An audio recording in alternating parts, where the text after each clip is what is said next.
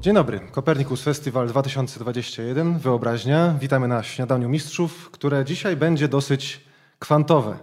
Moim i Państwa gościem jest e, profesor doktor habilitowany Karol Życzkowski, fizyk teoretyczny z Zakładu Optyki Atomowej Instytutu Fizyki Teoretycznej Uniwersytetu Jagiellońskiego oraz Centrum Fizyki Teoretycznej Polskiej Akademii Nauk, dyrektor Krajowego Centrum Informatyki Kwantowej w Gdańsku, a oprócz swojego tutaj e, zawodu fizyka e, teoretyka, narciarz wysokogórski, przewodnik górski, żeglarz, szermierz.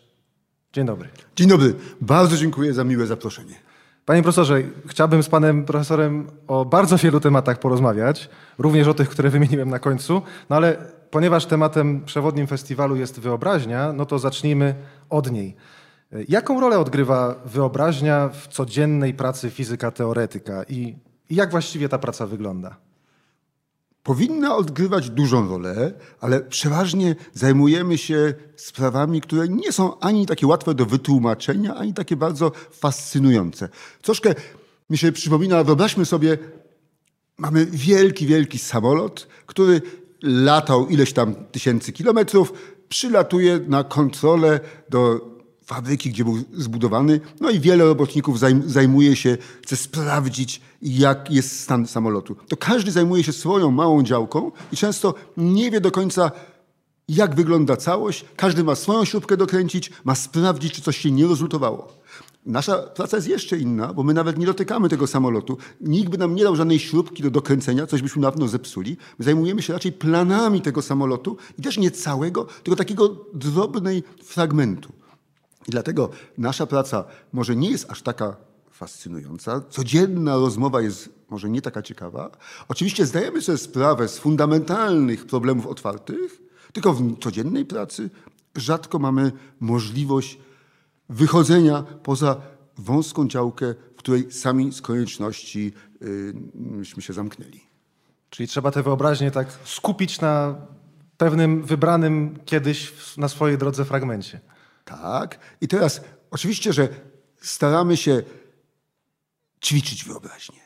To znaczy, po kolei rozwiązujemy różne problemy, zastanawiamy się, czy istnieje rozwiązanie, stawiamy inny problem i cały czas tą wyobraźnię oczywiście mamy ukierunkowaną zależnie od działu fizyki. Czasami troszkę bardziej geometryczną, czasami troszkę bardziej algebraiczną, to od strony fizyki teoretycznej, czasami troszkę bardziej właśnie przy rozmowach z fizykami, doświadczalnikami od strony już eksperymentalnej i cały czas mamy świadomość, że tak naprawdę to my mało rozumiemy. Fizyka jednak uczy nas pokory i często widzimy, że problem, który wydaje się pozornie prosty, jest dla nas przynajmniej zbyt skomplikowany. Hmm. No, pan profesor mówi tutaj o aspekcie algebraicznym, geometrycznym, doświadczalnym, teoretycznym. Jak dla mnie to, to nie brzmi wcale na, taką, na takie zawężenie wyobraźni. Yy, I jeszcze, jeszcze takie, tak, mi się, tak mi się skojarzyło, czy, czy to oznacza, tak się w sumie słyszy, że y, dzisiaj y, fizyka jest już tak wyspecjalizowana, że już skończyła się era geniuszy, już nie ma co liczyć na nowego Einsteina, który połączy jakieś dwie odległe dziedziny ze sobą. Czy, czy pan profesor się z tym zgadza? No pewnie niestety tak. Sam świadomie y, zawężam pole moich zainteresowań już ściśle naukowych do dość wąskiej działki, już nawet poddziału, poddziału fizyki kwantowej i oczywiście chętnie dowiaduję się, co robią moi koledzy, ale mam świadomość, że do pewnych zagadnień już nie będę w stanie dojść, ponieważ brakuje mi wiedzy i nie będę w stanie wszystkiego się nauczyć. Także rzeczywiście to jest takie duże niebezpieczeństwo, że zajmujemy się pewnymi wąskimi poddziedzinami i drobiazgami i troszkę brakuje nam takiego oglądnięcia całości, wyobrażenia sobie całości, jeżeli nawet mamy jakieś wyobrażenie, to ono nie jest na tyle wystarczające, aby móc prowadzić na poziomie badania w tej dziedzinie, więc wtedy przeważnie koncentrujemy się na tym, co już troszkę umiemy. Więc wracając tej analogii do tego samolotu, to ten pracownik, załóżmy jeden z nich świetnie pracuje jednym śrubokrętem, drugi małym młoteczkiem, to zamiast, żeby patrzeć, co w tym samolocie wymaga naprawdę naprawy, to każdy myśli sobie, a ja mam taki świetny młoteczek, to ja popatrzę, czy jest jakieś miejsce, gdzie mógłbym tym młoteczkiem przyłożyć. No ale to też w takim razie, jak rozumiem, stymuluje taką współpracę między fizykami. Skoro każdy jest, specjalizuje się w takiej wąskiej dziedzinie, no to żeby zdziałać coś wielkiego, y, trzeba współpracować. Tak, trzeba, tylko niestety rzadko kto y, ma ambicje i możliwość, żeby tak naprawdę zdziałać coś wielkiego i życie jest troszkę inne. Przeważnie niestety zajmujemy się rzeczami drobnymi. To jest tak jakby poprawka do poprawki do poprawki i jeżeli nawet nam się uda osiągnąć jakiś wynik, który nas satysfakcjonuje, kiedy uważamy, że coś ciekawego zrobiliśmy, to później życie troszkę bezlitośnie to weryfikuje, gdyż liczba osób, które zainteresują się, zrozumieją i docenią ten wynik, przeważnie nie jest duża. Hmm, to pociągniemy jeszcze trochę ten temat, bo taki obraz y, nauki, zwłaszcza, zwłaszcza fizyki, nawet teoretycznej, y, kreowany przez media, no jednak, jednak trochę inny obraz przedstawia, że, że co chwila jakieś wielkie, potencjalne odkrycie, które zrewolucjonizuje wszystko. No, niby człowiek zdaje sobie sprawę, że to jest troszeczkę y, podbite dla atrakcyjności przekazu.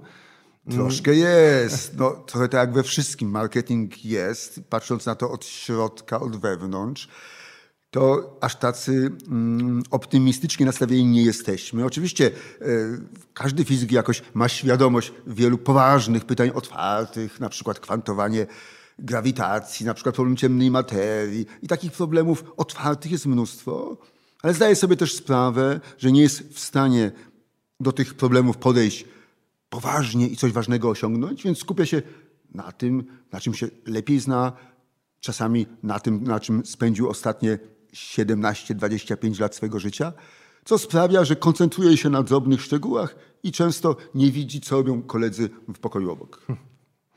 Wspomniał pan profesor o e, mechanice kwantowej i to e, do niej chciałbym, chciałbym teraz przejść. To będzie taki nasz może główny temat tej rozmowy, chociaż zobaczymy.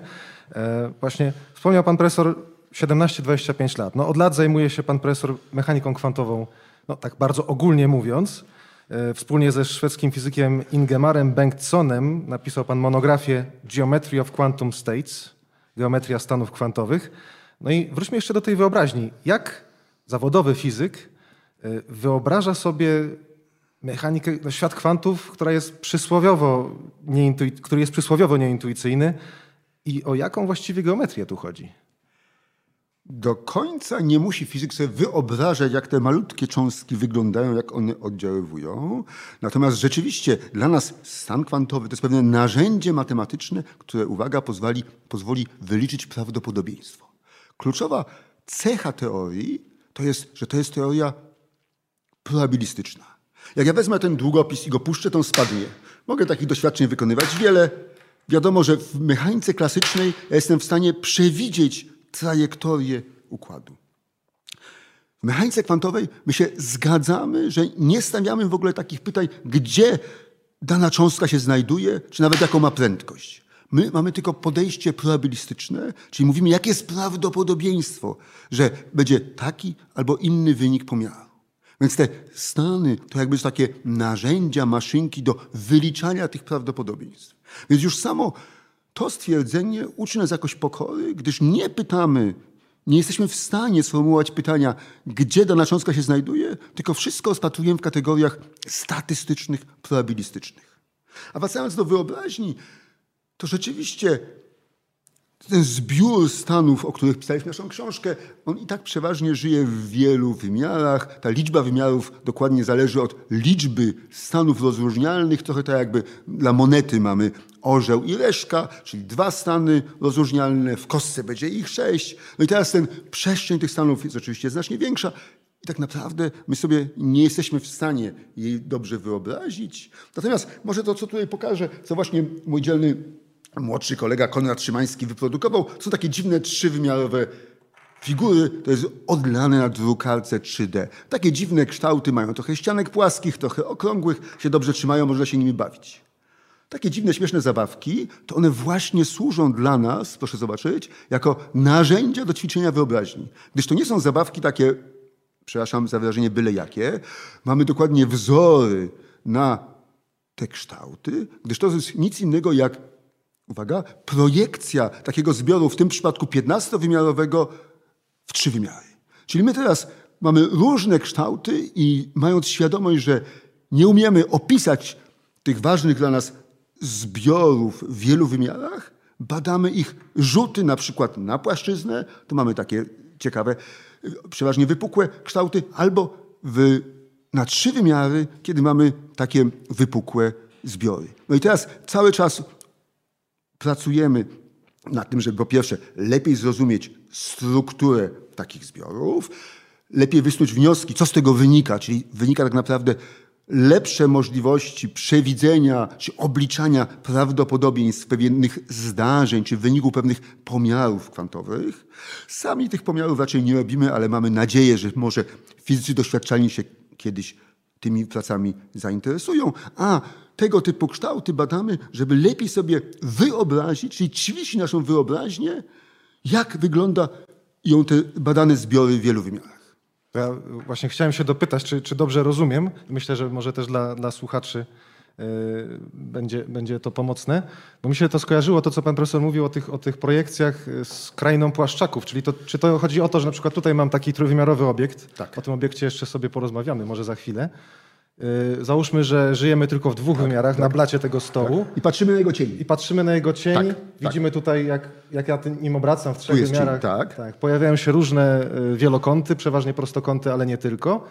I badając te cienie przy różnych przypadkach, no ja jestem w stanie poniekąd, mimo tego, że jestem dwuwymiarowy, wyobrazić sobie ten wyżej wymiarowy obiekt. Właśnie tak. I dokładnie to przypomina słynną jaskinię Platona, który też oglądał cienie. To były cienie dwuwymiarowe. I teraz zobaczmy, to jest ten obiekt trójwymiarowy, to jest tak jakby taki cień z 15 wymiarów czy z 8 w 3. Bo to już jest zwykły obiekt trzywymiarowy i to jest dla nas projekcja z wielu wymiarów na trzy. I teraz ten sam obiekt może mieć, dawać różne cienie. Ta książka daje różne cienie na stole. Tak samo ten nasz obiekt, który badamy, daje różne cienie trójwymiarowe. Jedne mają płaskie części, inne mają tutaj jeden odcinek płaski. I teraz a propos, badając geometrię, kształt tych brzegów, możemy wysnuć pewne ciekawe wnioski. E, Właśnie wczoraj mój kolega, autor tych wspaniałych obiektów, wrócił z krótkiej wyprawy do Kalifornii, ale był tam tylko wirtualnie, ale byliśmy bardzo dumni, że mógł tam przedstawić wyniki naszej aktualnej pracy. Hmm. A mogę jeszcze spytać, y, czyli ten 15-wymiarowy obiekt geometryczny, co on, co on opisywał? Co on opisuje? Dobrze. On opisuje zbiór wszystkich, my to mówimy, przepraszam, macierzy gęstości, czyli stanów kwantowych, czyli możliwych konfiguracji opisania cząstki kwantowej, gdzie mamy cztery stany rozróżnialne, dokładnie cztery. Ponieważ 4 razy 4 minus 1 to jest 16 minus 1 to właśnie jest 15, to jest wymiar tej przestrzeni. No i oczywiście tych wymiarów można brać inne. E, W tej chwili myśmy mamy ciekawe wyniki dla stanów w wymiarze 6. 6 odpowiada kostce, zwykła kostka, każdy wie jak wygląda. Mamy 6 ścianek, 6 różnych stanów rozróżnialnych i akurat się okazuje, że 6 jest bardzo ciekawą i ważną liczbą. Dlaczego? Bo 6 to jest 2 razy 3. To jest pierwsza liczba, która nie jest ani liczbą pierwszą, ani nie jest potęgą liczby pierwszej, jest iloczynem dwóch liczb różnych, 2 razy 3 i akurat geometria takiego zbioru jest zupełnie inna niż dla stanów, kiedy mamy 5, 7 albo 3 stany rozróżnialne.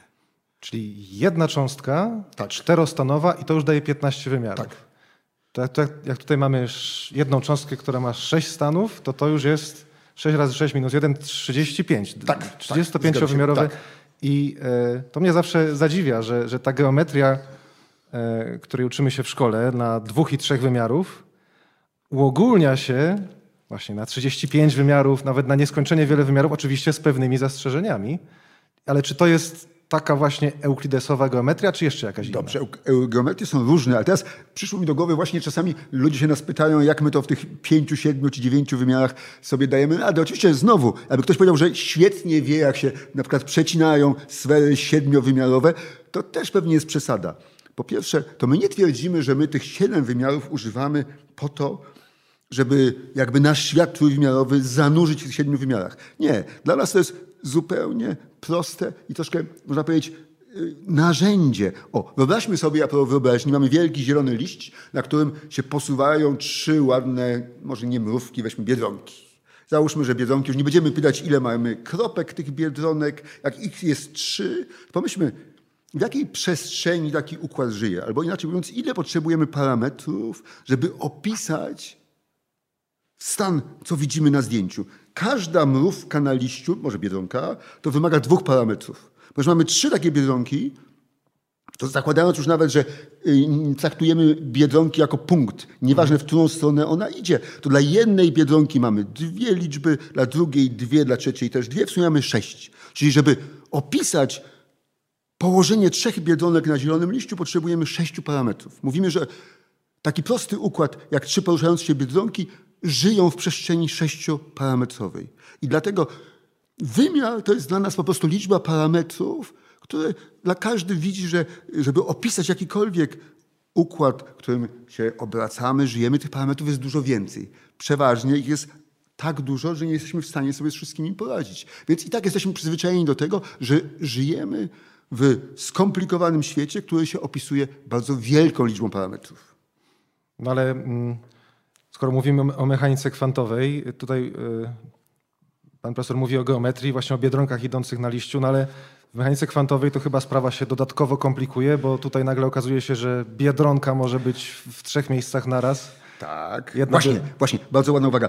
Klasycznie, możemy powiedzieć, biedronka jest na liściu w tym i w tym punkcie. Mamy dwa parametry, położenie na przykład x i y i wiem, gdzie ona jest. Rzeczywiście w mechanice kwantowej my nawet nie stawiamy takiego pytania. Mówilibyśmy tylko o gęstości prawdopodobieństwa, że jest większa szansa na zarejestrowanie Biedronki, co znowu nie jest, no, nie jest aż takie trudne do wyobrażenia. Gdybyśmy robili zdjęcia tego liścia, na przykład tysiąc zdjęć i później patrzyli, w jakich części liścia ta biedronka jest częściej czy rzadziej. I wtedy to, co my jesteśmy w stanie policzyć, to to, gdzie, jak nałożymy te zdjęcia na siebie, gdzie będzie większe skupisko biedronek, a gdzie mniejsze. I tylko takie pytania stawiamy, takie pytania rozważamy i usiłujemy na przykład tego typu funkcje opisać. Okej, okay, tutaj y, chcę oczywiście zastrzec, że y, mówimy o biedronkach, ale tak naprawdę chodzi o jakieś obiekty subatomowe, jakieś cząstki elementarne, czy nie? Tak, to troszkę, a propos wyobraźni, troszkę się z jednej strony sugerujemy tym, co jest nam dane i każdy sobie łatwo y, biedronkę na liściu wyobrazi.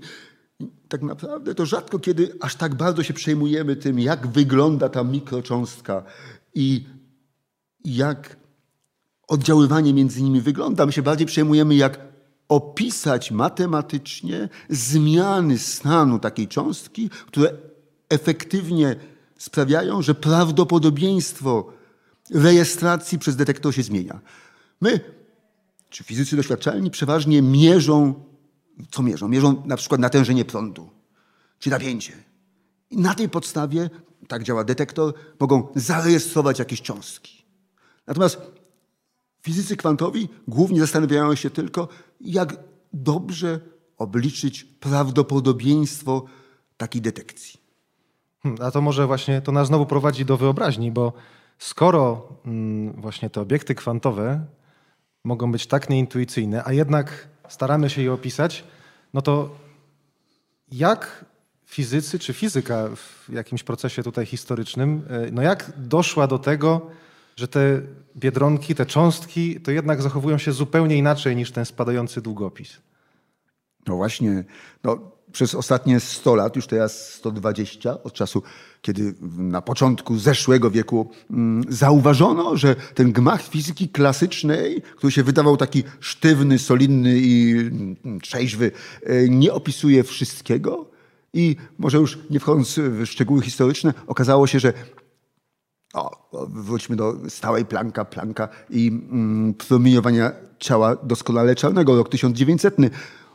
Wtedy dopiero zorientowano się, że fizyka klasyczna nie jest w stanie opisać efektów, które obserwujemy, chociażby yy, częstości czy kolorów linii yy, spektralnych obserwowanych yy, już doświadczalnie i wtedy okazało się, że cały gmach fizyki klasycznej może nie runął, tylko on był dostosowany do świata makro, takiego tutaj jak ten stół i te obiekty, natomiast nie był w stanie wytłumaczyć porządnie fizyki oddziaływania na skali subatomowej, które to oddziaływanie mogliśmy zobaczyć na przykład jednak, tutaj powiem o optyce, światło, właśnie pracuję w zakładzie optyki atomowej, to sprzężenie fizyki z mikro z światłem, kiedy rejestrowano fale o różnych częstościach i badano je dokładnie, okazało się, że tych wielu rzeczy nie dało się wytłumaczyć i nie ma rozsądnej teorii deterministycznej, która tego typu efekty jest w stanie opisać. Natomiast mechanika kwantowa, która rzeczywiście, powtórzę bardzo znane stwierdzenie, że jak e, ktoś twierdzi, że rozumie dobrze mechanikę kwantową, to na pewno jej dobrze nie rozumie. I drugie, podobne, które też często mówię swoim studentom, że w zasadzie nie da się mechaniki kwantowej zrozumieć, ale da się do niej przyzwyczaić. I właśnie po tych 25 latach troszkę się przyzwyczaiłem, może nawet w złym znaczeniu tego słowa, taka rutyna troszkę nas gubi. Cały czas nam się wydaje, że coś rozumiemy, ale tylkośmy się do tego przyzwyczaili. Mówiliśmy o tym spadającym długopisie. No każde dziecko w szkole wie, że jest grawitacja i cokolwiek puści, to spadnie, ale słowo zrozumieć grawitację jest troszkę na innym poziomie. Inaczej rozumieją dzieci, że przedmioty spadają, inaczej fizycy się uczą o grawitacji na pierwszym roku, no a jeszcze inaczej, to było wielkie osiągnięcie Einsteina, połączenie grawitacji z geometrią i w ogóle pokazanie związku między taką siłą oddziaływania na dużą odległość, a podejściem geometrycznym do um, opisu świata. To tutaj, tutaj też geometria okazała się takim kluczem, może tak. nie kluczem, ale bardzo przydatnym i uniwersalnym narzędziem. Tu pan profesor y, w kontekście tych bomotów o mechanice kwantowej, które się właśnie często, często powtarza, to jeszcze przychodzi do głowy jeden. Zamknij się i licz. Właśnie, shut up and calculate. I to rzeczywiście jest taki wskazówka, trochę może taka pociągająca, ale ważna, że z punktu widzenia na przykład doktoranta, który usiłuje coś jakieś zadanie wykonać, to pewnie, że jak poczyta trochę o filozofii przyrody, to będzie miło. Ale jak on ma pewne zadanie wykonać, to nie musi za dużo się zastanawiać nad interpretacją filozoficzną.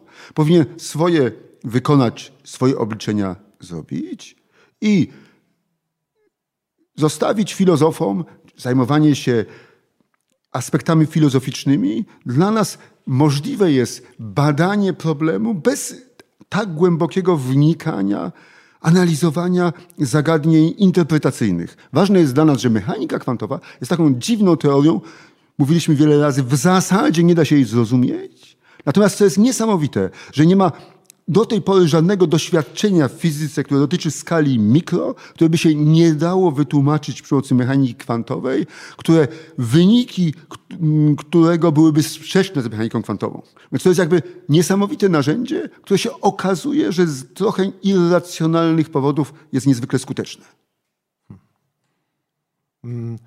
Właśnie, może, może słowo też wyjaśnienia. Wspomniał pan profesor o interpretacjach mechaniki kwantowej, których jest bardzo dużo. No, taką, no nieskończenie wiele. Tak, tak. Znaczy taką najbardziej chyba popularną, a w każdym razie tak przedstawianą y, na studiach jest tak zwana interpretacja kopenhaska. Już tutaj nie mówmy y, na czym dokładnie polega. Polega na y, duńskim fizyku Boże. Prawda? Wiemy ze szkoły o atomie Bora i rzeczywiście wpływ Bora na fizykę kwantową był olbrzymi. Tak, znaczy dobra, to, to w skrócie no, chodzi o to, że stany kwantowe są opisane funkcjami falowymi, których nie da się obserwować, ale z nich się da obliczać prawdopodobieństwa, które jesteśmy w stanie obserwować i pomiar właśnie w pewnym sensie niszczy tę funkcję falową, y, wpływa na nią w każdym razie I e, tak. troszeczkę się zaplątałem. Dobrze, wszystko się zgadza. I rzeczywiście dla, mm, dla mnie, dla moich współpracowników, to nie jest aż tak istotne, jak sobie to wyobrazić, na czym polega dokładnie ten akt pomiaru i niszczenie tej funkcji falowej. My tylko opisujemy w modelach matematycznych, jak można przewidzieć zmianę pewnych prawdopodobieństw po wykonaniu pomiaru modelowanego w taki lub inny sposób. Wracając teraz do mechaniki kwantowej, stanów kwantowych, jest takie znane pojęcie stanów splątanych, które rzeczywiście jakoś lubię i którym się też od wielu lat zajmowałem, to wytłumaczyć można dość prosto. To słowo splątanie kwantowe, takie dość tajemnicze, to tylko mówi o pewnych korelacjach między dwoma podukładami. No i właśnie, tu mam przy sobie 4 złote, 2 razy 2 to jest 4, dwie monety. I teraz Łatwo sobie wyobrazić, jak mamy jedną monetę, no jak ją rzucamy, czy na stole możemy sobie puścić. O, teraz się nie udało. Jeszcze raz, właśnie fizyk, teoretyk nie, nie robi często doświadczeń, teraz już lepiej. Trudno teraz nam przewidzieć, jaki będzie wynik. O, teraz jakby pomiar, wykonujemy pomiar, patrzymy, co wyszło. Wyszedł orzeł. No i teraz, proszę Państwa, wyobraźmy sobie, że mamy takie dwie monety i mamy taką sytuację. Puszczamy te dwie monety, o jedna się kręci, załóżmy druga się kręci i robimy pomiar. Nie wiem jeszcze, co wyszło. I ktoś nam mówi, jeżeli tu będzie reszka, to mam 100% pewności, że tu będzie też reszka. Czy da się w ogóle uwierzyć, że są takie dwie zwykłe monety, które każda z nich jest rzetelna, czyli z jestem jedna, druga wyjdzie reszka lub orzeł, ale jak one się obie kręcą, to wykonując pomiar, czyli mierząc, w tym wypadku pomiar to jest naciśnięcie ręką, wynik po je, yy, pomiaru dla jednej monety wpłynie albo pozwoli przewidzieć na wynik yy, pomiaru dla drugiej. No oczywiście to się nam wydaje, jest niemożliwe. No bo jeżeli one są niezależne, jeżeli są obie, mają i orzeł, yy, i orła, i reszkę, yy, z prawdą jestem 50%, załóżmy, że sprawdziliśmy każdą z nich z osobna, że yy, jest rzetelna, no to wydaje się, że klasycznie nie jest możliwe, żeby patrząc na wynik rzutu jedną monetą, wpłynąć na, czy przewidzieć y, wynik drugiej monety. A właśnie mechanika kwantowa dopuszcza takie stany, kiedy mamy pełną korelację. Może być taki stan, że jeżeli tu jest orzeł, to tu jest orzeł, jak tu reszka, to tu reszka lub na odwrót. Może być antykorelacja, jeżeli tu jest reszka, to będzie na pewno orzeł. I teraz zrozumieć, dlaczego takie stany w mechanice kwantowej są, jest ciężko, no ale one są, można je skonstruować i doświadczalnie sprawdzić takie korelacje. No ale, ale spróbujmy jeszcze zrozumieć, a propos tego splątania, bo y, gdybyśmy nie mówili o monetach, y, które się właśnie niezależnie od siebie kręcą, tylko na przykład ja bym wezmę te, te dwie y, figury, jedna tak. jest żółta, druga jest tak. pomarańczowa i my wiemy, że jedna jest żółta, druga jest pomarańczowa i teraz ja je zamykam w pudełeczkach, tak, tak. wysyłam losowo jedno z tych pudełeczek, nie wiadomo które, gdzieś na drugi koniec świata i tam ktoś otwiera to pudełeczko, nie wie, czy, yy, nie wie, czy tam jest żółte, czy tam jest pomarańczowe, ale z chwilą, gdy otworzy swoje pudełeczko i zobaczy, o, mam żółte, no to w tym momencie natychmiastowo uzyska pewność, że w tym drugim pudełeczku na drugim końcu świata jest yy, pomarańczowe. To żółte, a to pomarańczowe. Ale tutaj, jak rozumiem, jest coś więcej. Więcej, tak, bo to jest bardzo prosta korelacja klasyczna. Ale mamy już z góry wiedzę, że jeden y, obiekt jest żółty, drugi jest pomarańczowy i to się już nie zmienia. Tak. Natomiast tutaj po pierwsze w przypadku kwantowym to można wykonać różne pomiary, tak jakbyśmy raz mogli na przykład mierzyć kolor, ale raz czy wyjdzie orzeł czy reszka, albo jeszcze inne wielkości i teraz załóżmy, że te monety są jeszcze w locie i niezależnie od tego, którą wielkość, którą cechę będziemy mierzyć, to wynik pomiaru na jednej cząstce nam pozwoli przewidzieć z prawdopodobieństwem 100% wynik na drugiej. I teraz tego typu korelacje właśnie są klasycznie nie do wytłumaczenia i są niezrozumiałe. W każdym razie to jest co innego, dużo mocniejszy efekt niż takie zwykłe klasyczne korelacje, jak mówimy często między lewym butem i prawym butem. Chociaż to taka znana historyka z y, fizyków. Ktoś używał takiego porównania o skarpetkach, mówiąc, że jeżeli ktoś ma kolor, skarpetki koloru niebieskiego, to na pewno druga też będzie koloru niebieskiego. To się okazało, że na jednej konferencji jeden znany fizyk austriacki specjalnie, może niespecjalnie, miał dwie skarpetki różnych kolorów i wtedy się okazało, że taka fajna figura retoryczna nie działała i on z dumą pokazał, że ma jedną skarpetkę y, żółtą, a drugą niebieską.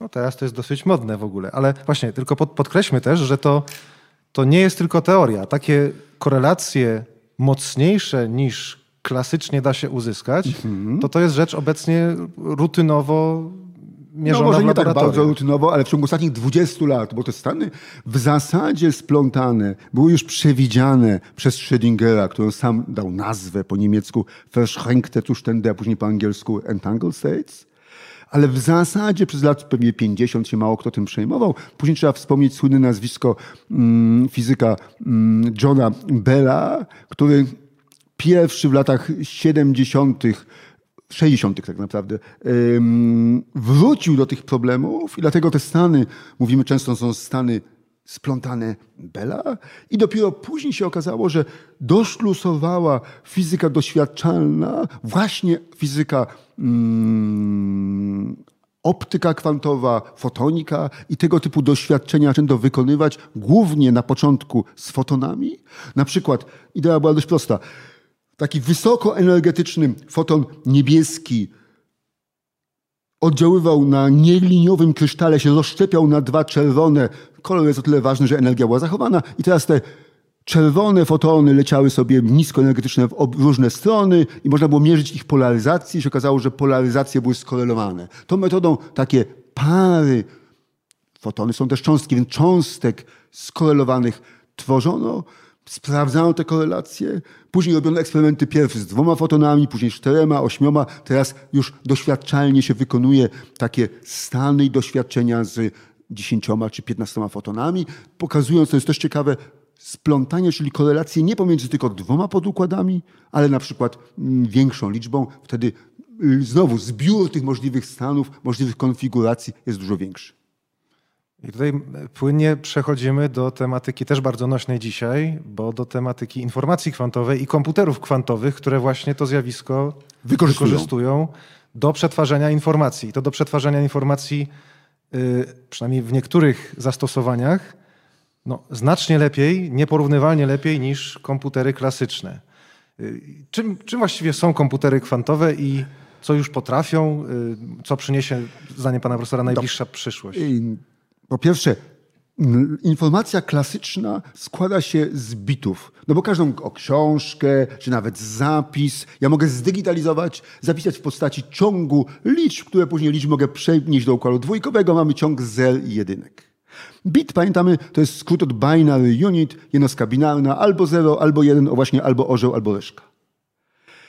I klasyczny komputer przetwarza te bity, mamy jakieś takie bramki, na przykład i tak, czyli end, czyli i, mm, or, czyli lub. I właściwie każdy program komputerowy da się zapisać w jakimś takim języku assemblerze komputera, który się dalej da zapisać na instrukcje w poszczególnych bitach.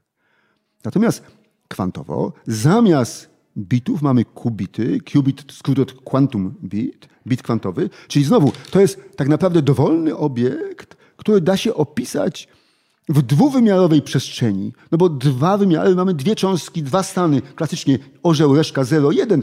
I teraz w mechanice kwantowej oprócz tego stanu 0, czyli na przykład nie płynie prąd i jeden prąd płynie, mamy całą gamę stanów pośrednich. Możemy sobie wyobrazić to tak, jakby był spin, czyli jakiś wektor, który się kręci po jakiejś tajemniczej sferze blocha i mamy wszystkie możliwe stany pośrednie od bieguna północnego, czyli zero, do południowego przez na przykład stan na równiku. Stany na równiku są takie stany jakby kwantowej superpozycji, czyli stanu, który jest trochę w stanie zero, trochę w jeden, tak jak słynny kod Schrödingera, który był trochę żywy, trochę martwy przed pomiarem, trudno było przewidzieć, czyli w jakim stanie zostanie zmierzony, czyli z prawdopodobieństwem na przykład jedna, druga był albo w stanie 0, albo w stanie 1. I teraz tego typu super stany superpozycji kwantowej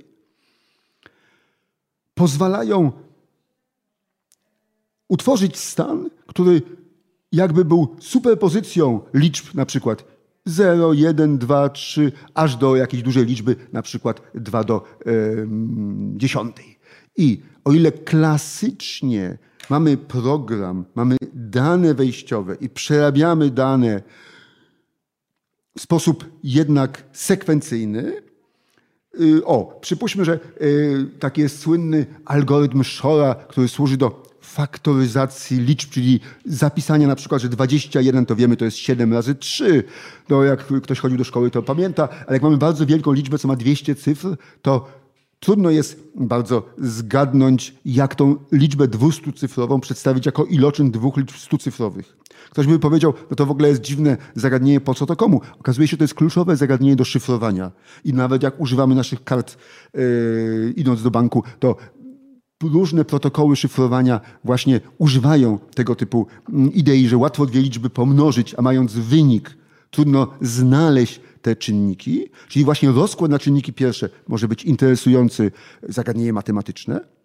I teraz Klasycznie najprościej trzeba by wziąć tą dużą liczbę, na przykład 21 i sprawdzać, czy dzieli się przez 2, nie dzieli się, czy dzieli się przez 4, nie dzieli się. No i wtedy dojdziemy do tego, że na przykład dzieli się przez 3 i przez 7. A kwantowo można by, stworząc taki stan superpozycji, w pewnym sensie jakby w mniejszej liczbie kroków badać wszystkie liczby, wszystkie liczby naraz, które są dzielnikami. Tylko znowu to jest podejście probabilistyczne. Możemy tylko zwiększyć prawdopodobieństwo, że znajdziemy właściwy dzielnik. Więc mówiąc krótko, przetwarzamy informację kwantową i korzystamy z faktu, że właśnie takie stany splątane istnieją, stany superpozycji kilku możliwości i pozwala to na stworzenie algorytmów, które w mniejszej liczbie kroków dane zadanie matematyczne będą w stanie wykonać.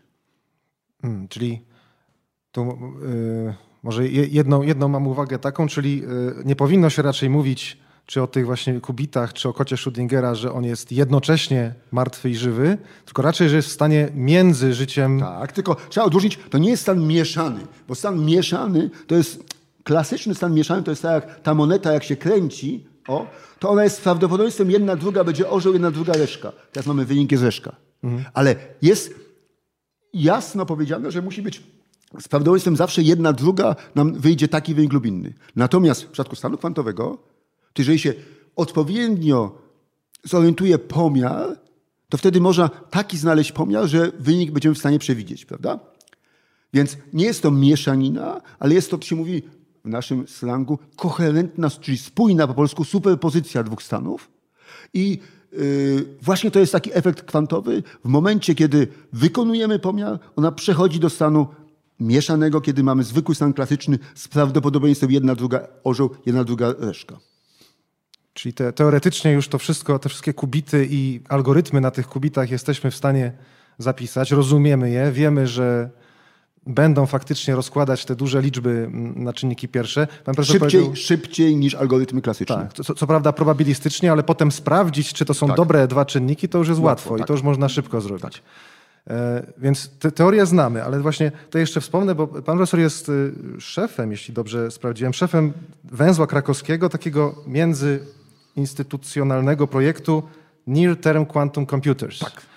Czyli takie y, kwantowe komputery, które już są niejako tuż za rogiem. Tak, tak. Y, no my się zajmujemy troszkę teorią takich zagadnień, ale rzeczywiście zastanawiamy się na przykład, jak próbować zoptymalizować istniejące algorytmy kwantowe, albo co ważniejsze, jak zabezpieczyć informację kwantową przed utratą tej koherencji spójności, która sprawia, że stan kwantowy przechodzi w stan klasyczny i tracimy tą koherencję, która daje nam tą przewagę kwantową. I teraz właśnie te idee komputerów kwantowych, no, Sama idea od czasu Feynmana ma już lat prawie 30. Teraz pierwsze takie prototypy, gdzie udało się takie zwane bramki kwantowe, czyli odpowiedniki tych bramek klasycznych utworzyć, też już mają pewnie lat 20 i algorytm Shora już doświadczalnie właśnie 21 zostało rozłożone na e, wynik był zgodny z oczekiwaniami 7 razy 3. I to jest, i to jest rekord na razie. No nie, nie, później już e, jakieś tam liczby typu e, z pewnie 120, już nie pamiętam, jeden faktoryzowano. Zaraz, 121 się nie, nie, nie dzieli. No, to 11 do 11 kwadratu. do kwadratu, właśnie, właśnie, więc łatwo podzielić. Ale Pytanie jest takie, no dobrze, skoro już wiemy, jak ten komputer kwantowy, uwaga, powinien działać, to czemu on tak dobrze nie działa? Bo właściwie tak naprawdę, trzeba powiedzieć, on jeszcze nie działa. Nie działa w skali, która byłaby dla nas zadowalająca. I tu odpowiedź jest prosta. Dlaczego nie działa? Ponieważ stany kwantowe, jeżeli je wytworzymy, to one nieuchronnie oddziaływują z otoczeniem i zachodzi zjawisko zwane dekoherencją. Koherencja to właśnie jest ta spójność, która świadczy o tych własnościach kwantowych, a dekoherencja sprawia, że stan z powrotem staje się stanem klasycznym. Zamiast kubitu mamy bit, czyli mamy zwykły 0 lub 1 i całą przewagę algorytmów kwantowych tracimy. I teraz ten czas dekoherencji, czy czas, po jakim występuje zanik własności kwantowych kubitów, jest stosunkowo krótki, zależy od realizacji fizycznej, ale to mogą być milisekundy. Ogólnie jest to czas niewielki, więc na razie z mm, procesowaniem informacji kwantowej trzeba by się trochę spieszyć. Kluczowy parametr to jest, ile bramek kwantowych zdążymy wykonać, zanim ta informacja kwantowa się rozpadnie. No i tu się okazuje, że na razie można ich wykonać pewnie 3, 5, 7. No, y, oczywiście im więcej ich wykonujemy, tym większe prawdopodobieństwo przekłamania. Są oczywiście pewne techniki kwantowej korekcji błędów, czy jakieś takie osłabiania błędów, no ale ciągle jeszcze nie wyszliśmy poza etap, kiedy to są tylko absolutnie prototypy, które nie pozwalają jeszcze wykonać żadnego konstruktywnego obliczenia. Teraz niektórzy optymiści twierdzą, że tak zwany quantum computational supremacy, czyli taką supremację obliczeniową kwantową osiągniemy niebawem, może za kilka lat. Tutaj próg jest bardzo prosty. Chodzi o to, żeby znaleźć taki problem obliczeniowy, który jest ciekawy, konkretny i ważny, który by się dało przy pomocy tych na razie ciągle jeszcze prototypowych urządzeń kwantowych obliczyć szybciej niż przy pomocy komputera klasycznego. Hmm, czyli pod, podsumujmy, czyli problemem nie jest zbudowanie działającego komputera kwantowego, bo to już się udało, tylko raczej zbudowanie dużego, czy też takiego skalowalnego komputera kwantowego, w którym te pudełka z kotami Schrödingera nie będą się otwierały po prostu po kilku o, milisekundach. Dobra uwaga. Mniej więcej tak. Znaczy nie nazwałbym to, co istnieje obecnie takim już istniejącym komputerem kwantowym. Powiedziałbym, że to jest tylko prototyp. Mhm. I tu słowo skalowanie jest ważne, bo jak mamy prototyp, który działa na, przypuśćmy, siedmiu, może lepiej dziesięciu kubitach i mamy dziesięć takich urządzeń, koło, położymy je koło siebie, to to wcale nie będzie jeden komputer, który będzie działał na 100 kubitach. Dlaczego? Bo nie będziemy umieli przekazywać informacje z kubitu numer 7 do tego, który ma numer 78 bo nie będziemy w stanie sprząc i informacji przesyłać od jednych kubitów do drugich. Dlatego rozwiązania aktualnie istniejące właśnie się nie skalują, a pracując na 10, 8 kubitach można się bawić z liczbami właśnie rzędu, na, nawet nie 2 do 10, tylko właśnie 2 do 5,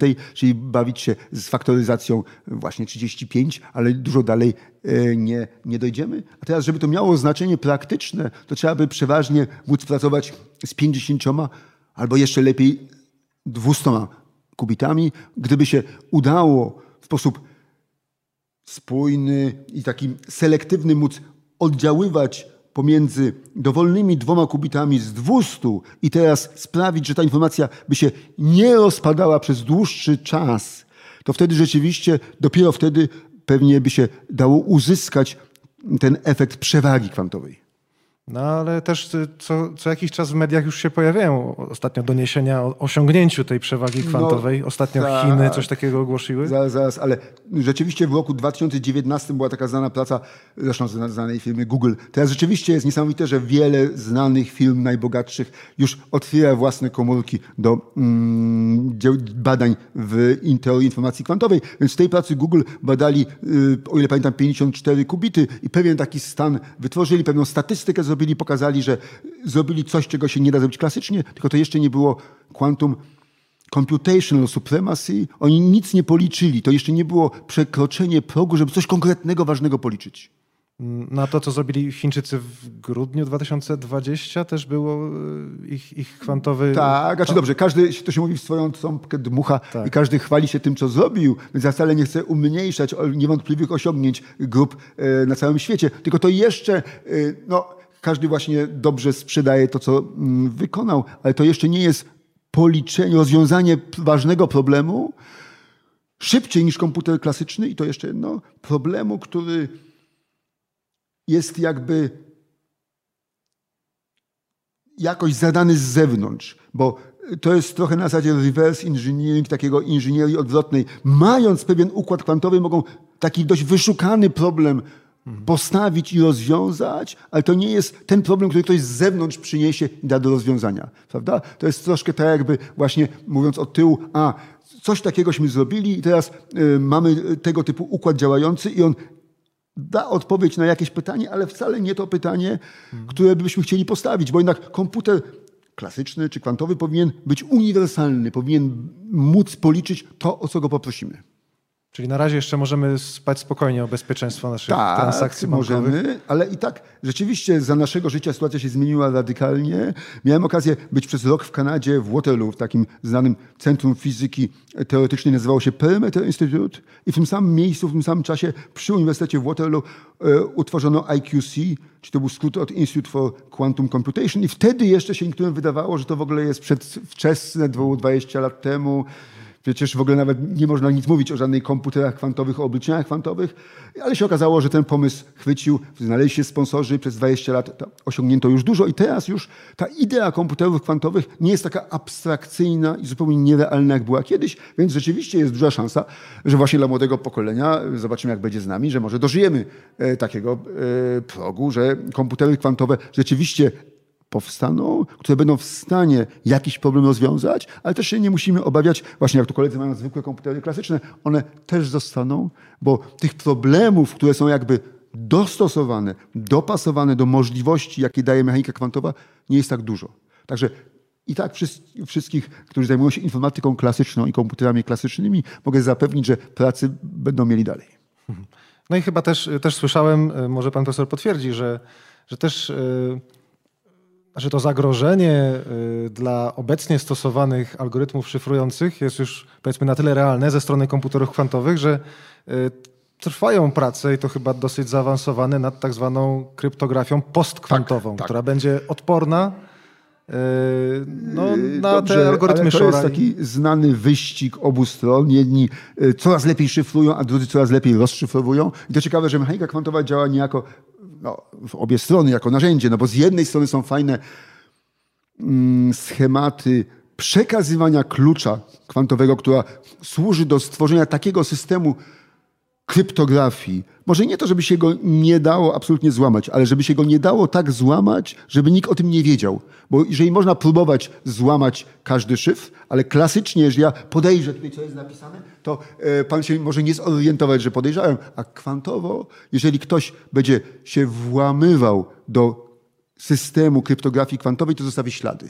Bo jak się będzie włamywał, wykona jakiś pomiar i wtedy e, osoba, która wykonuje pomiar, która odczytuje informację, będzie miała ostrzeżenie, że y, jakiś intruz się usiłował do systemu włamać. Więc to jest ta kluczowa różnica, która się łączy z tym, że informację klasyczną można kopiować.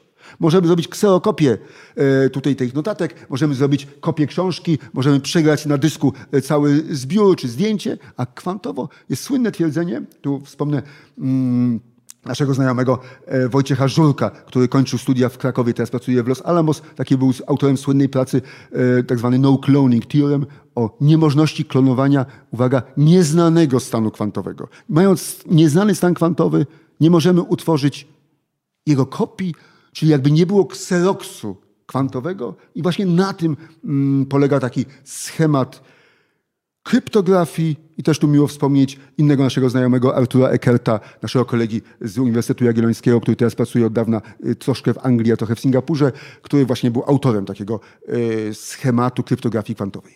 Więc z jednej strony mechanika kwantowa pozwala znaleźć nowe schematy kryptograficzne, a z drugiej, tak jak algorytm Shora, pozwala rozwiązywać problemy, które służą innym do łamania innych szyfrów.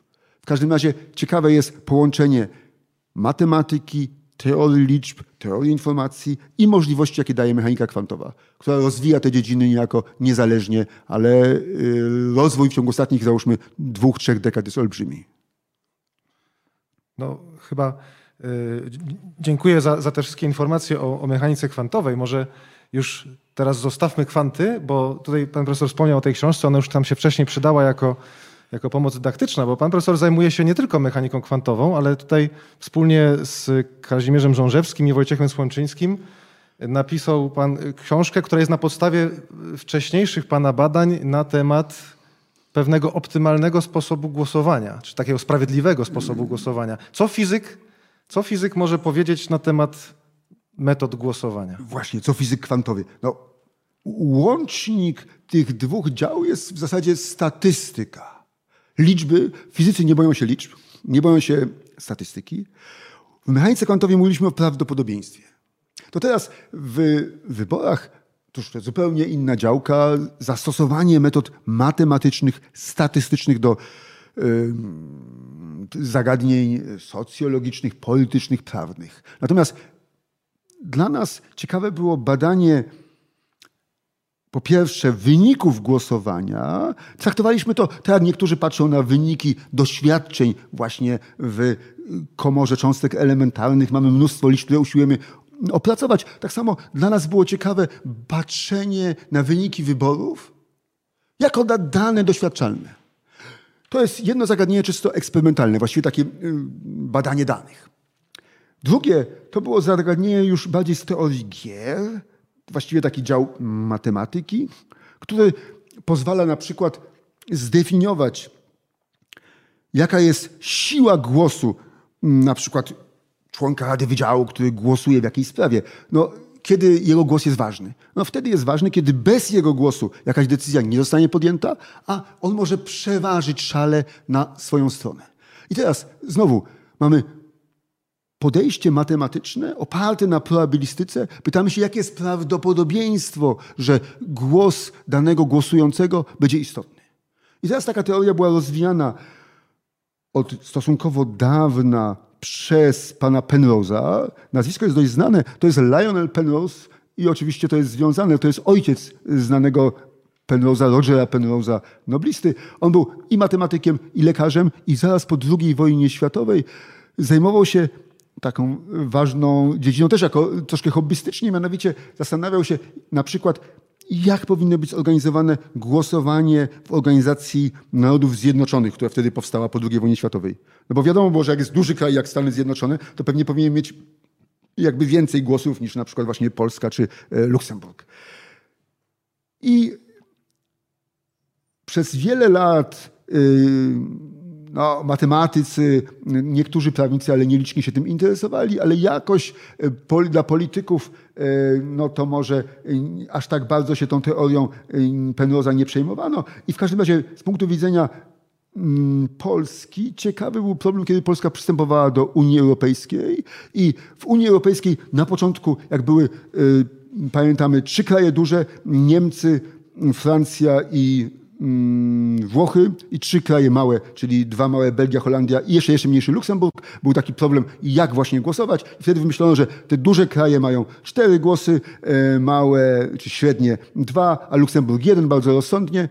E, no i teraz był problem, co będzie, jak kolejne kraje się dołączały. Tam po kolei było, znamy historię rozszerzenia Unii Europejskiej i w pewnym momencie, jak była dyskusja, co będzie, jak przyjdzie Polska i zaczęto się zastanawiać, jak te głosy dzielić. Rzeczywiście wcześniej robią to w ogóle bez matematyki, bez podejścia teoretycznego i yy, myśmy w roku 2004 z Wojtkiem Słomczyńskim, też yy, z naszego uniwersytetu, yy, taki przedstawili system Penroza, że głosujemy, może, może nie my, tylko w Radzie Unii Europejskiej, każdy przedstawiciel każdego kraju ma liczbę głosów, która zależy od ludności danego kraju, ale nie jest proporcjonalna do, do, liczby ludności, tylko proporcjonalna do pierwiastka z liczby. Dlaczego? Bo gdyby założyć, że wszyscy mają takie same zdanie, jak prawdopodobnie było w Polsce za czasów PRL-u, a może teraz jest na Białorusi, to wtedy rzeczywiście byłoby logiczne i uzasadnione, że jak przyjeżdża minister do Brukseli, to mówi, u nas jest tyle a tyle ludzi, na przykład 36 milionów, wszyscy są za. Wiadomo, że w praktyce nie wszyscy są za. Żeby uwzględnić to Jaka jest e, liczba ludzi, którzy mają zdanie odmienne? Załóżmy, że minister głosuje zgodnie z wolą większości. Nasuwa się bardzo proste pytanie. Jak często, ile średnio ludzi, którzy są w mniejszości, jaka e, ta mniejszość będzie? Żeby uwzględnić zdanie mniejszości, które nie wiemy jakie jest, ale wiadomo, że z różnym rozkładem prawdopodobieństwa e, ona wystąpi, to właśnie wtedy się okazuje, że dość prosty argument e, pokazuje, że te wagi powinny się skalować jak pierwiastek z liczby głosów, co rzeczywiście dość dobrze zgadzało się z tym, co politycy wypracowali, a naszym pewnym osiągnięciem było wyznaczenie optymalnego progu większości kwalifikowanej, od jakiego decyzja takiego gremium, jak Rada Unii Europejskiej powinna podejmować decyzje. Tu jest rozsądne takie założenie prawno-polityczne, że nie to powinno być tylko 50%, bo wtedy decyzja, no system nie byłby stabilny. Decyzja mogła być we wtorek taka, w środę inna. Mhm. Więc naturalną koleją rzeczy jest, żeby dążyć do tego, żeby E, No tak, na konklawy potrzeba jest 66% e, poparcia. Tak samo tutaj politycy się zgadzali, że powinno być między 55, a może 58, a może 62%. Natomiast nie było żadnej teorii, która by za tym stała. A znowu stosując proste metody statystyczne, czyli rachunek prawdopodobieństwa, taką dość elementarną matematykę dostosowaną do zagadnień społecznych, e, myśmy przedstawili dość rozsądny system, gdzie ten mm, próg optymalny zależy w pierwszym przybliżeniu od liczby krajów głosujących. No i ten system akurat e, jak może e, pan wie, nie zyskał uznania polityków. Kiedyś polscy politycy go lansowali, ale niestety niezbyt skutecznie. Natomiast jest doceniony w literaturze fachowej i rzeczywiście, no e, cóż, polityka się zmienia, a e, matematyka zostaje. Mamy nadzieję, że on został już w literaturze zauważony. Może kiedyś będzie też używany w życiu. Tak, bo może dodajmy, bo nazwa się nie pojawiła. Mówimy o tak zwanym kompromisie jagiellońskim. Tak, to oczywiście nie była nasza nazwa, ale jacyś dziennikarze, to pierwsze nasze prace były w roku 2004. E, To był głośny temat, później była dyskusja, była system z Nicei i system z, mm, no, nazwijmy to krótko, Lizbony. Nasze rozwiązanie było takie jak- jakby kompromisowe. Jacyś dziennikarze to tak nazwali, co właściwie myśmy się cieszyli i nazwa jest ciekawa. Dotyczyło to tego naszej afiliacji. Także później nawet napisaliśmy pracę e, pod takim tytułem i teraz e, no, te prace są w każdym razie e, znane i cytowane, może nie przez polityków, nielicznych polityków, ale bardziej przez osoby, które się no, interesują i piszą pracę, właśnie to się nazywa takie mm, zagadnienia typu mathematical social choice, czyli matematyczna teoria wyboru społecznego. Czyli zastosowania matematyki i fizyki w naukach miękkich, Społecznych, społecznych. Tak, tak, tak. Znaczy fizyka to może mniej, z fizyką to tylko jest nasze doświadczenie w obcowaniu z liczbami. To raczej jest, ale powiedziałbym rachunek prawdopodobieństwa, który używamy właściwie i w mechanice kwantowej. Właśnie, bo ktoś powie, to nie ma nic wspólnego z mechaniką kwantową. Owszem, ale narzędzia są podobne. No tak, matematyka jest w pewnym I sensie uniwersalna. prawdopodobieństwa, właśnie i statystyka. Tak. E, To jeszcze na koniec zmieńmy zupełnie temat, bo tutaj pan profesor przyniósł jeszcze jedną książkę swojego autorstwa. Ja i tak chciałem o to zapytać, może pokażę tutaj do kamery.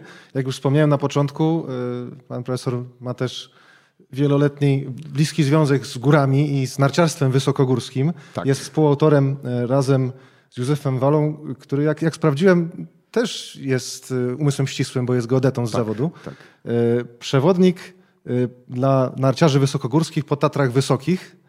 E, Proszę mi powiedzieć, narciarstwo wysokogórskie, no sport ekstremalny, jak to się zaczęło w pana profesora przypadku? No, na nartach jeździłem od zawsze, od dzieciństwa i rzeczywiście y, kluczowym y, tutaj y, okresem był dla mnie stan wojenny, kiedy nie można było nigdzie wyjeżdżać. Mm, Przed stanem wojennym miałem okazję gdzieś tam być za granicą, kupić jakieś wtedy wspaniałe zagraniczne narty i wtedy no, troszkę może podobnie jak teraz. Teraz podczas COVID-u wyciągi były zamknięte, nie można było jeździć na wyciągu, ale można było, jak ktoś miał, wypożyczyć sprzęt albo wziąć własny, ubrać narty, foki, iść do góry, y, na przykład na Kasprowy.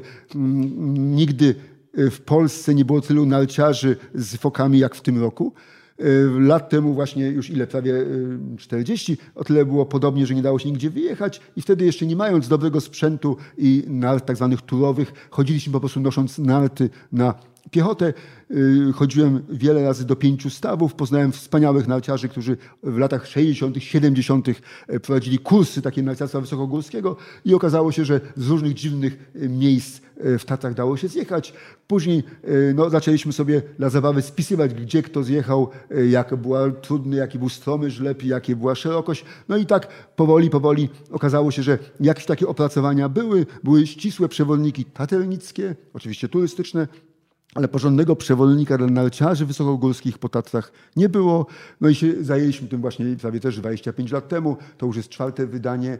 I rzeczywiście, może dobrze, że ono nie jest zbyt grube, jest takie cieniutka książka, da się zmieścić do kieszeni czy do plecaka. Także się cieszę teraz. Kilka razy miałem satysfakcję, będąc w Dolinie Pięciu Stawów Polskich, widząc jak ktoś wyciągał z y, kieszeni tą książkę i ją wertował. Oczywiście w obecnych czasach często ludzie mają to przegrane na komórkę, żeby nawet nie musieć tego nosić, ale rzeczywiście dalej y, no, byłem na y, rysach nawet przed, w sobotę, trzy dni, czy w zeszłym tygodniu, na koniec sezonu, więc dalej no, już nie jeżdżę bardzo trudnych tras, ale bardzo się cieszę, że mogę dalej uprawiać ten sport i w każdym razie się okazuje, że mimo, że od eksploracji Tatr minęło właśnie już wiek, ciągle się okazuje, że można Tak samo dla taterników, znaleźć jakieś ciekawe przejście, że jeszcze nigdy nikt nie przeszedł.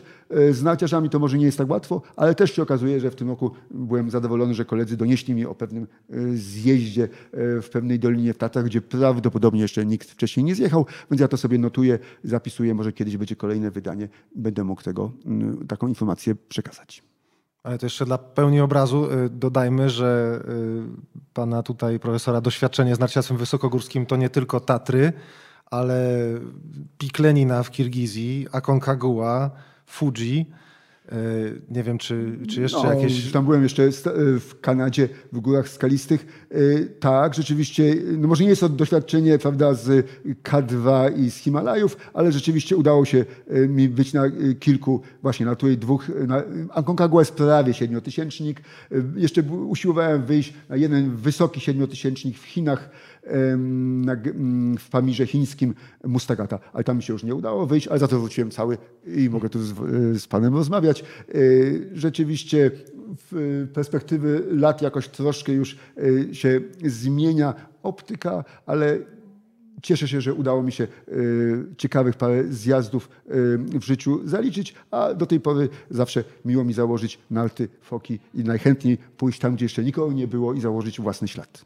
To żeby tak spiąć kompozycyjnie nasz, naszą całą rozmowę, y, wróćmy do wyobraźni. Y, Czy wyobraźnia przydaje się, znaczy jaka to wyobraźnia przydaje się narciarzowi na ścianie piku Lenina? No może wyobraźnia się przydaje przy zaplanowaniu wyprawy i przemyśleniu, skąd można zjechać, skąd nie można, czy wybraniu właściwej drogi przejazdu, tak samo jak dla tatelnika, alpinisty. Wyobraźnia jest konieczna, żeby sobie wyobrazić, gdzie w ogóle da się, da się przejść. Natomiast podczas samego zjazdu to już lepiej sobie za dużo nie wyobrażać, skoro wiemy, że mamy daną trasę do przejścia, czy daną trasę do zjazdu, no to wtedy trzeba się skupić na tym, e, co się robi, nie myśleć o innych rzeczach i starać się bezpiecznie zjechać na dół.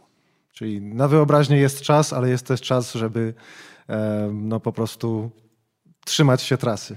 Tak, i skupić się dobrze na tym, co w danej chwili jest najważniejsze, a przy trudnych zjazdach narciarskich, kiedy często się jeździ w sposób taki, no mówimy, bez asekuracji, najważniejsze jest, żeby cało zjechać na dół.